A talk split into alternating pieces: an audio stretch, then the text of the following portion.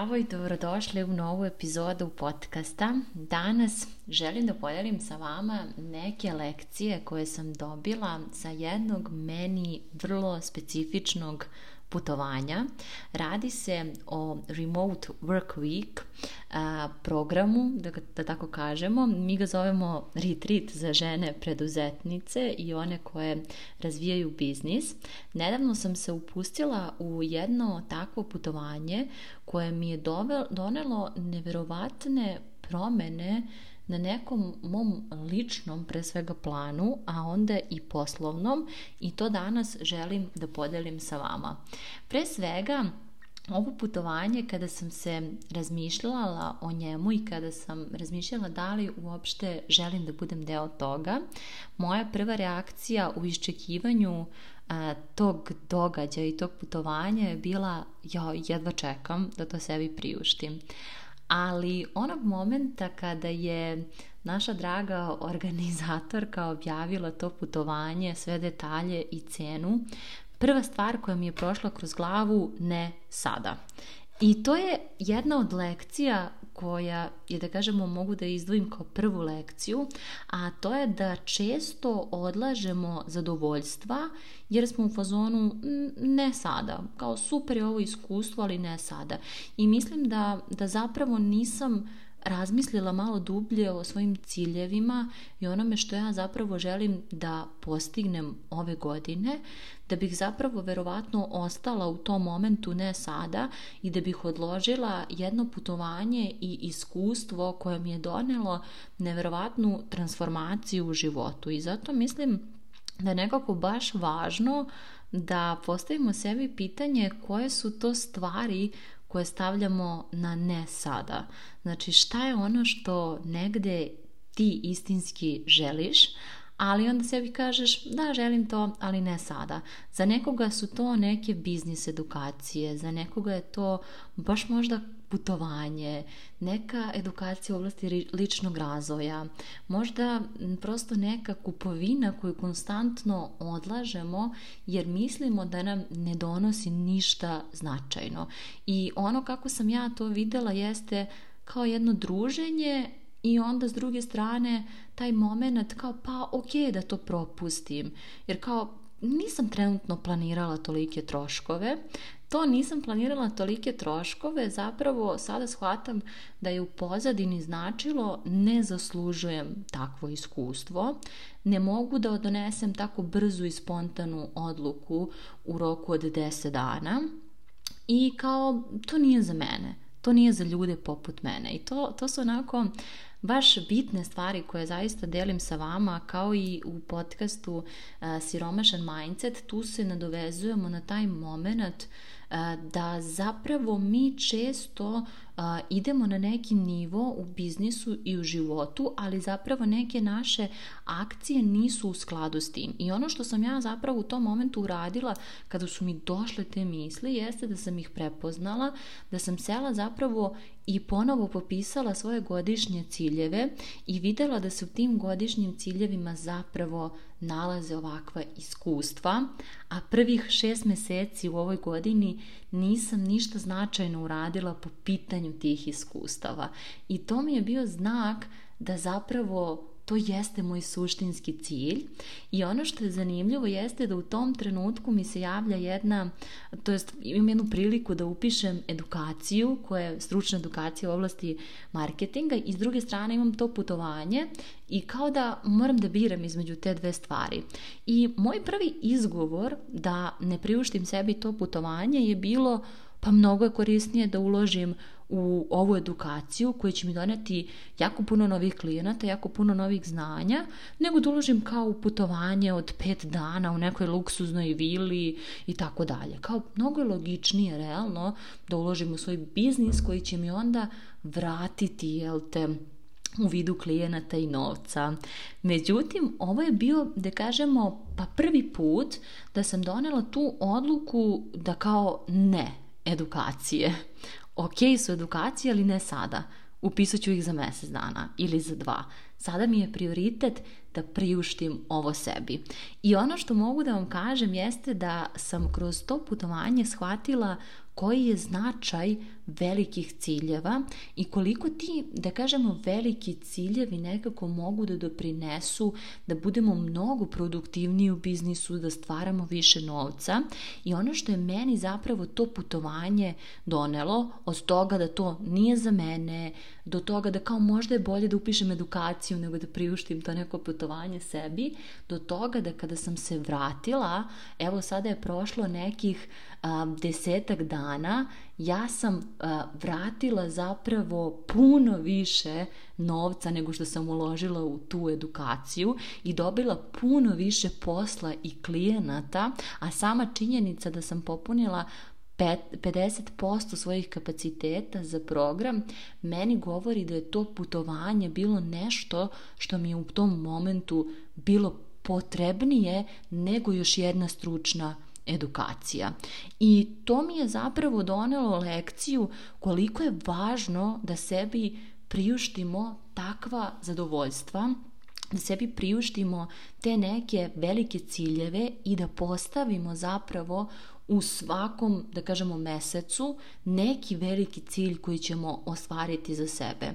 Tako da sam kao lekciju ponela da kroz takva iskustva mogu samo još više da dobijem, da budem produktivnija i da zapravo kroz to generišem mnogo, mnogo više prihoda. Tako da izbor edukacija versus odmor u ovom momentu je to palo na odmor i onda mi je taj odmor zapravo dao da budem produktivna, da budem u dobroj energiji i da nakon što sam se vratila sa tog odmora generišem puno više novca i automatski zaradim za edukacije i za te sve neke dodatne stvari koje želim. Tako da ulaganje u biznis po meni iz ove perspektive nije nužno uvek dobra opcija. Mislim da tu treba da postoji neki balans što se nadovezuje na ove moje prethodne epizode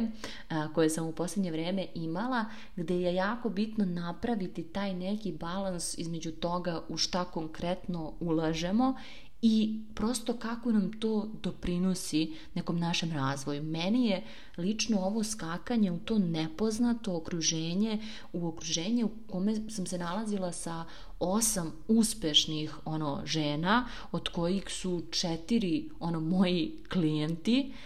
E, bilo jako nekomforno i bilo mi je jako neprijatno zapravo da budem tu i da u isto vreme se povezujem sa njima, budem rani, prolazim kroz razne procese, a da isto tako i budem autoritet kao što jesam na mrežama i u mentorstvu kada ga radimo. Tako da je taj deo bio jako zanimljiv i izazovan, i bilo je zanimljivo vidjeti koliko zapravo se mi negde, što smo stručniji e, kao generalno u svojoj oblasti i što veći brand i da kažemo kredibilitet imamo u ovom nekom online i offline svetu, to nam je nekako teže da budemo svoji i da budemo mi, jer uvek razmišljamo kako se to onda reflektuje na naš brand. I to je nešto što smo negde, što većina preduzetnica zapravo i spoznala na tom putovanju, da u isto vrijeme možemo da budemo zabavne, da možemo da budemo nekako i da budemo mi na razne načine, a da opet pored toga budemo stručne u onome što pričamo i da imamo kredibilitet. I to je za mene recimo jedna od najlepših stvari koje se meni dogodilo zato što dokle god nekako postoji taj neki raskorak u identitetima i prosto taj pokušaj da na mrežama budemo profesionalne, a u privatnom životu takođe pokušavamo da budemo profesionalne, ono što se događa jeste da zapravo kao da nikada se ne opuštamo u tom procesu. Tako da taj moment kada sam ja doživjela da istovremeno mogu da budem veoma zabavna, radoznala, da postavljam pitanja, da budem smešna, da se družim sa tim ljudima, da pričam o nekim ranjivim delovima sebe, da se zabavljam, da slušam neke njihove priče i ranjivosti i da ih prihvatim takve kakve jesu, a da ih u isto vrijeme smatram izuzetnim stručnjacima u svojoj oblasti je meni donelo tu neku vrstu oslobođenja i toga što većina žena u preduzetništvu kada krenu da rade na sebi i da se razvijaju, ono što je činjenica jeste da u jednom momentu osjećaju tu neku vrstu usamljenosti i toga da nekako su prerasli okruženje, prerasli su nekako te ljude i ono sa kim, na kojim nivoima mogu da vode razgovore i potrebna su im nova iskrena prijateljstva i zato se često ljudi odlučuju da uđu u razne programe isključivo zarad zajednice i to je predivno za biznis jer zajednica zaista omogućava da brže rastemo u biznisu, da brže neke stvari postižemo. Međutim, ono što sam shvatila da je negde unutrašnja i iskrena potreba a, preduzetnica sa kojima sam ja bila tamo okružena je ta potreba za prijateljstvom, ne potreba za zajednicom, ne potreba da budeš deo nekog programa i da brže ostvaruješ ciljeve, nego potreba da jednostavno u svom krugu prijatelja imaš ljude koji su na istoj talasnoj dužini, kojima sa kojima možeš da vodiš dublje razgovore, s kojima možeš da budeš ranjiv i da kažeš hej, ja trenutno mislim da projektujem to, to, to i to, šta ti misliš o tome? To je jedan ovako veoma dubok razgovor koji sam ja vodila sa nekim od tih preduzetnica i koji je meni mnogo značio u pogledu građanja različitih prijateljstava i nekako otvaranja ka toj verziji sebe koja u ovom poslovnom svetu i nije nešto specijalno prihvatljiva. Jer se negde podrazumeva da ne možemo isto vreme da budemo zabavne, duhovite i neozbiljne i da vodimo ozbiljan biznis i da budemo autoritet. Kao te dve stvari nekako se čine da su u poslovnom svijetu vrlo kontradiktorne i da su suprotstavljene, a zapravo činjenica je da apsolutno možemo da budemo ono što jesmo i da kao takve budemo prihvaćene. Tako da jedna od lekcija koju sam zapravo naučila jeste da većina ljudi traži iskrena prijateljstva, ne to da budemo u zajednicama E, i da kao brže napredujemo u biznisu, nego to da zaista možemo sa nekim da podelimo svoje izazove, da podelimo srećne trenutke, da znamo da je neko tu za nas, da prosto možemo da mu se obratimo, a da to nije neko stručno lice u fazonu e, idem samo kod psihoterapeuta ili mentora kad mi treba pomoć. Ne, nego imam prijateljicu koja je psihoterapeut i ne želim da je tražim savet iz ugla psihoterapeuta, želim da tražim savjet iz ugla prijatelja mentora, ali opet uključujući i njeno stručno znanje, ja znam da će mi ona pomoći da nekako na najbolji način taj trenutni izazov ili blokadu ili problem ili prosto neko osjećanje da, da jednostavno nekako procesuiram. I mislim da je to taj neki moment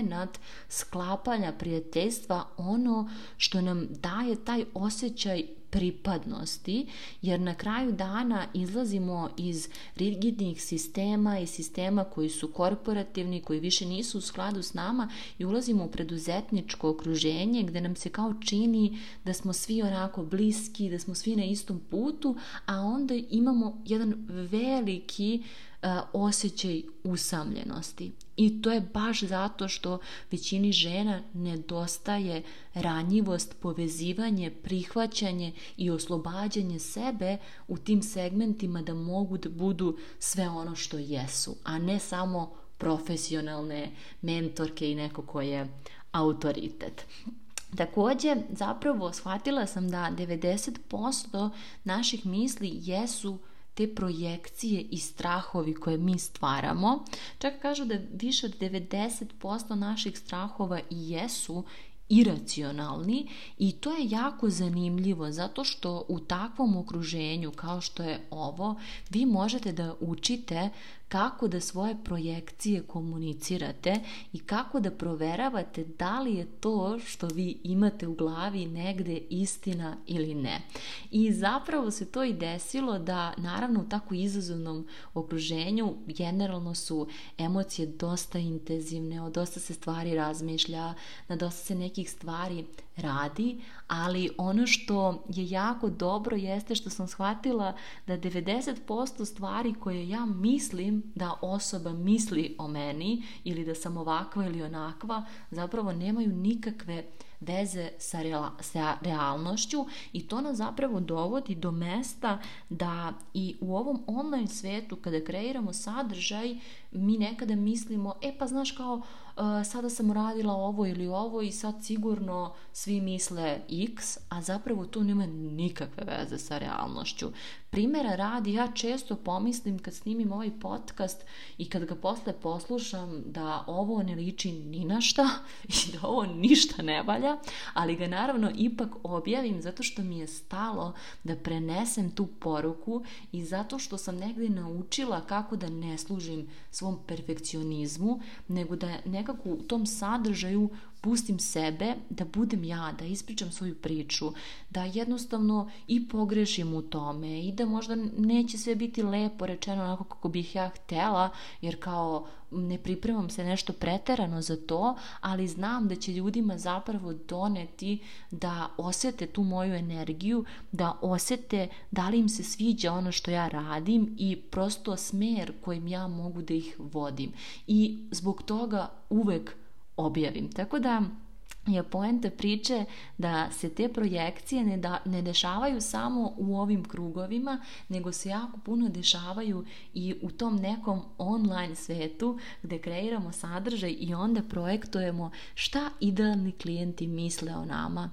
kako nas oni vide, da li nas oni vide kao stručne, nestručne, ovakve, onakve i zapravo to verovatno nema veze sa istinom, ali dokle god smo u tim svojim projekcijama, u, nešto, u nečemu što zapravo mi mislimo o sebi, uskraćujemo sebi priliku da se baš osjećamo slobodno. Jer kao kada si ti u grču i sada sediš pored neke osobe, a ti misliš i projektuješ da ta osoba misli o tebi ne znam ja šta, logično je da nećeš biti opušten u tom društvu, logično je da nećeš biti prirodna, ti isto tako i u online svetu. Ako jednostavno veruješ da tvoji klijenti misle da si nestručna, da si ovakva, da si onakva, ono što će se desiti jeste da ćeš osjetiti taj grč kada kreiraš sadržaj i onda će vjerojatno svaki podcast trebati da bude savršen, idealno osmišljen, svaka objava, svaki story, a to oduzima puno vremena i energije samo zato što neke sobstvene misli projektujemo na druge koji nemaju veze sa vezom. Tako da sam ja te neke projekcije imala na ovom putovanju i zaista su bile grozne do toga da, da me ono uhvati anksioznost i da sam toliko ono anksiozna i nervozna jer sam nekako umislila sada da ne znam ni ja kakva ispadam ispred tih ljudi, a zapravo kada sam ušla dublje u razgovore s tim ljudima, shvatila sam da oni uopšte nemaju takvo mišljenje, čak šta više, da imaju jako lepo mišljenje, da su se jako lepo povezali,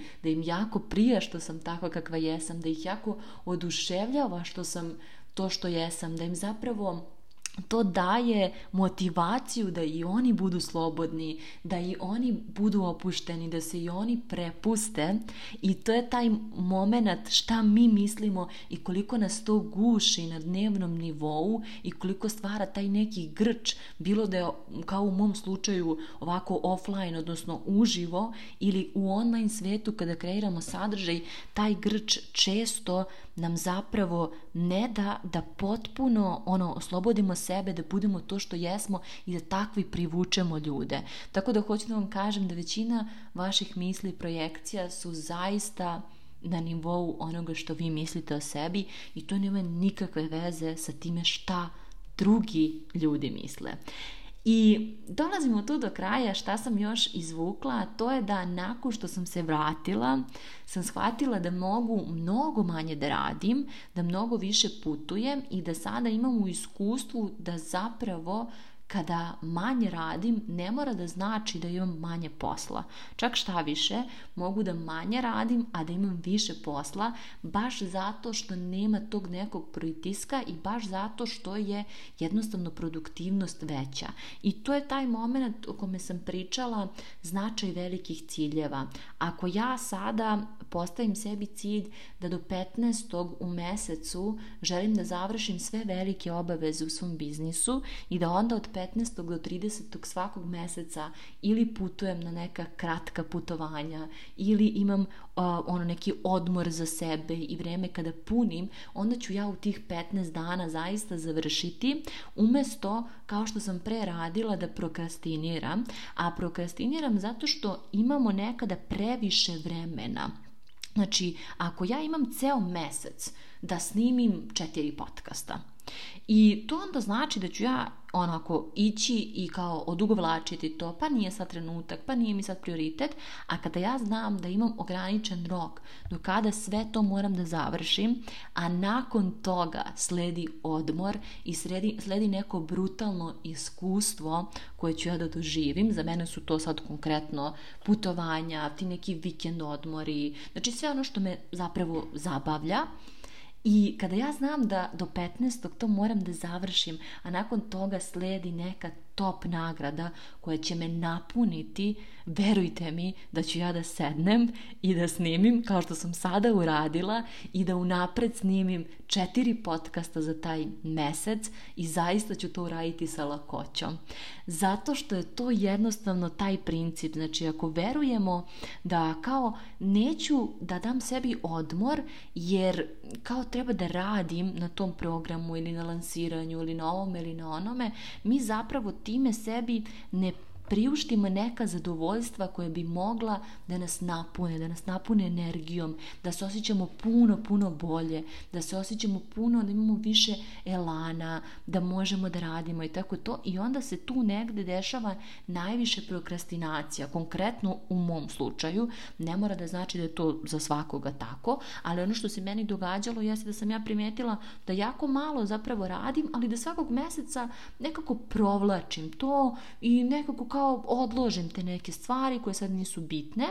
a ovo putovanje me naučilo da mogu da priuštim sebi jako lepa iskustva svakog meseca, na svakog meseca mogu da generišem mnogo veću količinu novca zato što, jel te me ta iskustva energetski pune i osjećam se mnogo bolje, a s druge strane mogu da budem mnogo produktivnija i da sa nekim većim elanom radim ovaj posao. Tako da je moja strategija, kako se ja volim da se bavim strategijama i na tom ličnom planu, moja strategija je sada da od 1. do 15. završavam većinu tih nekih operativnih stvari, bilo da je kreiranje sadržaja, newslettera, e, ono storija, objava i slično tome, a da nakon toga od 15 do 30. pretežno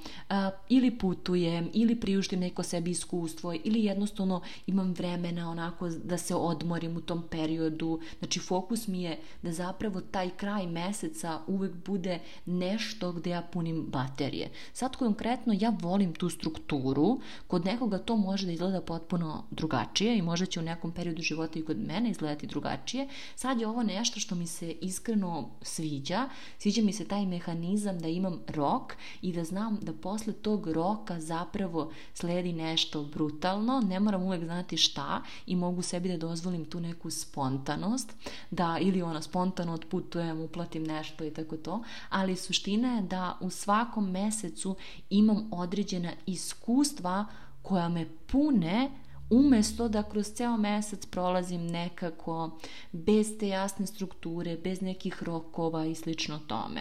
Tako da to je nešto što me je zaista naučilo ovo putovanje, Pored toga, povezivanje sa sjajnim e, ljudima i sa sjajnim ženama, tako da zaista smatram da rad na sebi nije samo kroz edukacije i da je najmanje kroz edukacije, već da je najviše na terenu. Jer ove neke stvari koje možemo da doživimo na terenu, teško možemo da doživimo samo dok jel smo u određenim edukacijama, jer ovo je zaista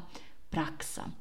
na neki način. Tako da zaista preporučujem da sebi priuštite nešto što vam je ono delovalo nemoguće, da nije za vas, da nije sad trenutak jer sam sigurna da će vam to napuniti dovoljno energije da ćete imati onako elana da nakon toga i kreirate i pojavljujete se i prodajete jer nekad taj problem sa prodajom nikada nije problem sa prodajom već je problem sa tim što premalo lepih iskustava zapravo smo priuštili sebi i što premalo nekako taj biznis služi nama a onda kao da mi njemu konstantno služimo, tako što ne dopuštamo sebi da otputujemo, tako što ne dopuštamo sebi da priuštimo nešto što će nas zaista napuniti i onda se dešava da postajemo ti kao robovi u biznisu. I mislim, ovo pričam iz najličnijeg iskustva, jer to se i meni dešavalo i na početku biznisa, sad mnogo manje jer ga brže prepoznam i kao nije to toliko intenzivno, ali to su neke teme koje se konstantno provlače, a to je kako da zapravo na kraju taj biznis služi meni, a ne ja njemu. Tako da razmišljaj o tome da li si ti trenutno u fazi da služiš svom biznisu ili da on služi tebi, jer velika razlika. Koliko god voleli naš biznis i ono što radimo, ako praktično mi kao šefovi bičujemo sami sebe, u jednom momentu to onda i ne bude baš lepo iskustvo i ne bude nekako, nemamo elana da se dalje krećemo i to se često dešava u praksi sa ženama kojima, sa kojima radim, jeste da vidim tu dozu onako i, i burnouta i toga da one zaista nemaju neku satisfakciju da se razvijaju, nego su baš onako stagnirale, a to se obično dešava zato što nismo svesni koliko još iskustava možemo da doživimo. Jer svaki nivo u životu zapravo vam je kao da smo u nekoj zgradi i sad na određenom spratu imamo jedan pogled, na drugom spratu imamo drugi pogled i sve tako. Ovo iskustvo je definitivno meni omogućilo da se popnem na sljedeći sprat i da vidim šta sve još postoji za mene i da ona zarada i oni ciljevi koje sam postavljala na početku godine ili nedavno, da zapravo kao nisu više u skladu sa mnom i da mogu mnogo više od toga jer će mi to mnogo više da kažemo ti veći ciljevi će mi doneti mnogo veću satisfakciju i mnogo više iskustava. Tako da onako na trenutnom nivou, u tom trenutnom spratu na kome se nalazimo, naše iskustvo i ono što vidimo da je moguće je vrlo, vrlo ograničeno. I zato je bitno da se bacite nekad u nepoznato i da uradite nešto što vam se čini jako nekomforno i da uopšte nije za vas i da uopšte ne pripadate tu i kao verovatno će vam biti i proćete kroz jednu ogromnu neprijatnost, ali ono što će se nakon toga desiti jeste da odemo na taj sledeći sprat i da onda sa tog sledećeg sprata imate veći pogled, više mogućnosti, više stvari koje su moguće i koje vidite sada iz te perspektive. Tako da se meni desilo ogromno proširenje perspektive na tom ličnom i poslovnom planu i to je definitivno za tako kratko vrijeme rezultiralo da moj biznis onako krene da se kreće, da dobijem jednu ogromnu količinu jasnoće, pravca, u kom smjeru ja želim da idem dalje. Tako da eto, svima vam želim da priuštite ovakvo jedno sebi iskustvo ili da priuštite nešto što vidite da je trenutno za vas i da vam je potrebno. Tako da ona kao tu sam za ako prosto želite da čujete bilo šta o ovom iskustvu ili preporuku slobodno mi možete pisati na mailu ili na Instagramu i rado ću diskutovati sa vama o tome. Do sljedeće epizode čujemo se.